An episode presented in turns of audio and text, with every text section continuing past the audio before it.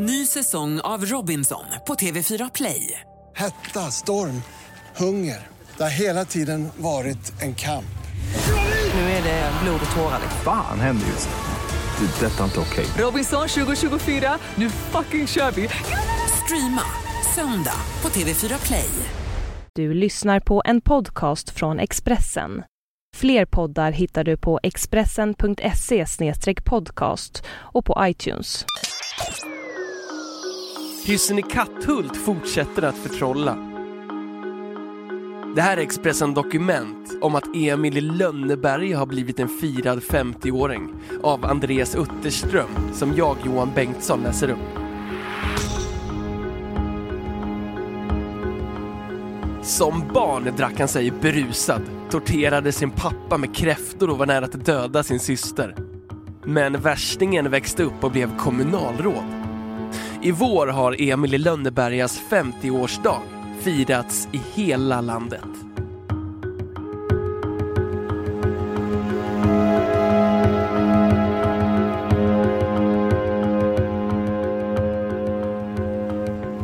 Inget verkade kunna få barnbarnet Karl Johan att sluta skrika.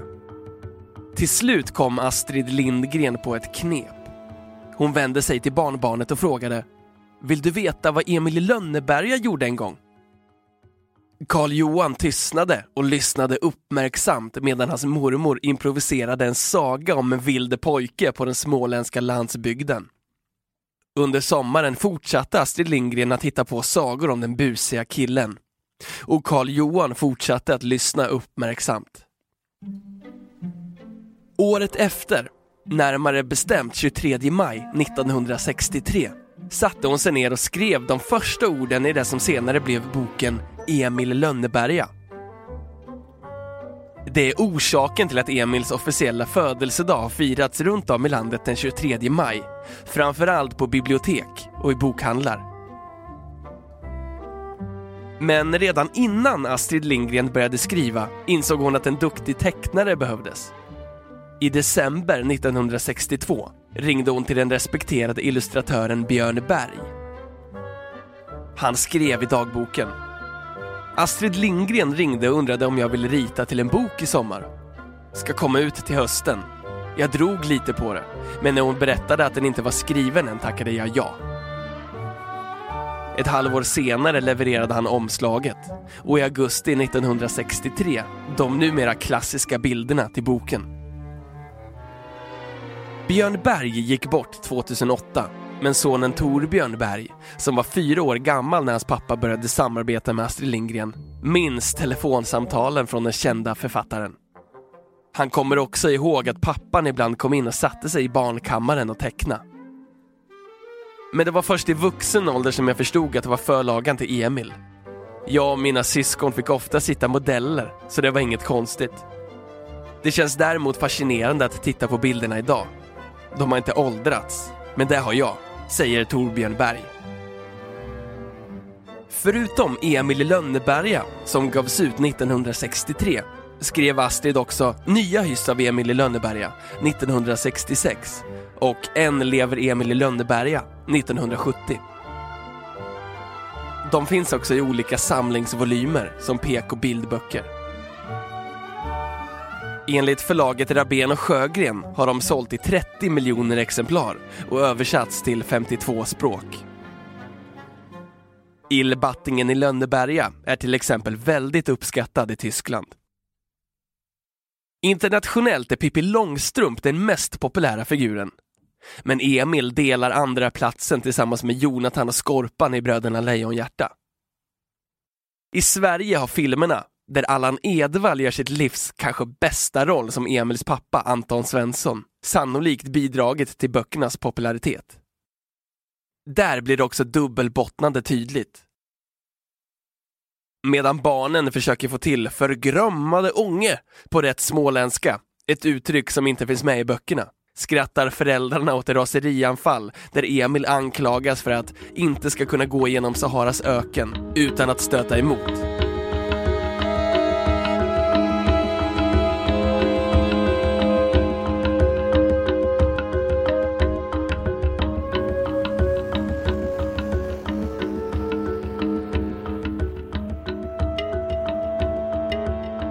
I filmerna fyller Astrid Lindgrens mjuka berättarröst en viktig funktion.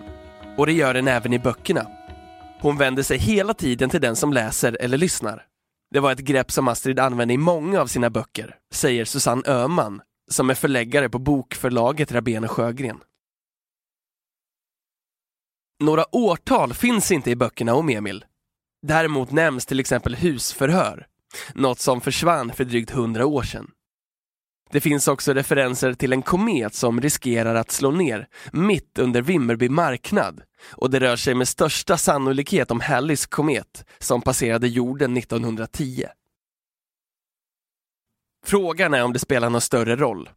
Att böckerna 50 år senare läses av iPad-generationen visar att det finns något evigt ungt i berättelserna om familjen Svensson i Katthult. Böckerna om Emil har en tidlöshet som är fullständigt fantastisk. Jag är övertygad om att de barn som får böckerna lästa för sig idag kommer att läsa dem för sina barn. Har vi inte tröttnat på 50 år kommer vi inte göra det på 100, säger Jan Hansson, som är chef för Svenska barnboksinstitutet. Till skillnad från de barnböcker som isolerar handlingen till en trygg värld med få eller inga orosmoln finns det mycket svärta i Emils vardag. Astrid Lindgren väjer inte för barnmisshandel, djup fattigdom eller alkoholism. Emils pappa Anton kan av moderna föräldrar uppfattas som i bästa fall otidsenlig och i värsta fall som en ren tyrann. Men Jan Hansson påminner om att förebilden för denna hatlevrade karaktär delvis baserades på Astrid Lindgrens far och att läsaren måste ha förståelse för att uppfattningen om barnuppfostran i slutet på 1800-talet var ljusår från den filosofi som dagens curlingsföräldrar anammat. Alfred är däremot idealgestalten för vad en pappa ska vara. Lyssnande och närvarande. Genom att skjuta bort Lina väljer han till och med bort kärleken för Emils skull, säger Jan Hansson. Förläggaren Susanne Öhman lyfter fram en sympatisk egenskap hos pojken som gör så många hyss. Att folk som bor i närheten startar en insamling för att kunna skicka honom till Amerika. Emil tar strid för de svaga. Han har ett stort hjärta och är handlingskraftig. Som när han hjälper Alfred till doktorn mitt i snöstormen, säger Susanne Öhman. Senare i år kommer Emil att firas också på andra sätt. På lördag är det ett stort kalas på Skansen. I juni öppnar en ny avdelning på Astrid Lindgrens Värld i Vimmerby och i september är det dags för en utställning med Björn Bergs bilder på Sven Harris konstmuseum i Stockholm. Dessutom har den tecknade filmen Emil och Ida i Lönneberga premiär i juli. Saltkråkan AB, som äger och förvaltar rättigheterna kring Astrid Lindgrens verk, har märkt att antalet förfrågningar som rör Emil har ökat inför 50-årsfirandet. Bolaget är dock känt för sin restriktiva hållning och har som vanligt sagt nej till det mesta.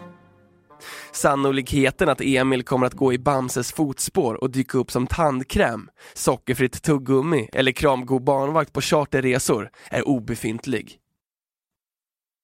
Testamentet är öppet skrivet och upp till oss att tolka. Vi försöker läsa in Astrids värderingar, vad hon ville och önskade. Men ibland är det en svår balansgång, säger Nils Nyman, VD på Saltkråkan AB och barnbarn till Astrid Lindgren. Förfrågningar som gäller dataspel brukar till exempel orsaka en viss huvudvärk. Oftast blir det nobben, men Emil finns faktiskt i den formen. Nils Nyman förklarar. Vi har en policy om att det vi gör inte ska vara uttalat pedagogiskt. Man ska få uppleva Astrids verk ur perspektivet att det är roligt, inte att man nödvändigtvis måste lära sig något på vägen. Men Emil själv tröttnade på att ha roligt. Astrid Lindgren nämner i förbigående att han blev kommunalråd.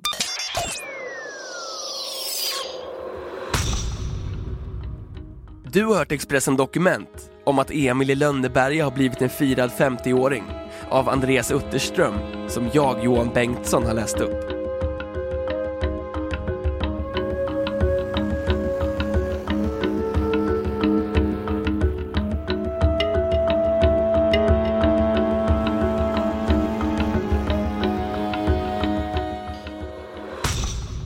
Du har lyssnat på en podcast från Expressen. Ansvarig utgivare är Thomas Mattsson. Fler poddar finns på Expressen.se och på iTunes. Ett poddtips från Podplay. I fallen jag aldrig glömmer djupdyker Hasse Aro i arbetet bakom några av Sveriges mest uppseendeväckande brottsutredningar. Går vi in med hemlig telefonavlyssning och, och då upplever vi att vi får en total förändring av hans beteende. Vad är det som händer nu? Vem är det som läcker? Och så säger han att jag är kriminell, jag har varit kriminell i hela mitt liv men att mörda ett barn, där går min gräns. Nya säsongen av Fallen jag aldrig glömmer på Podplay.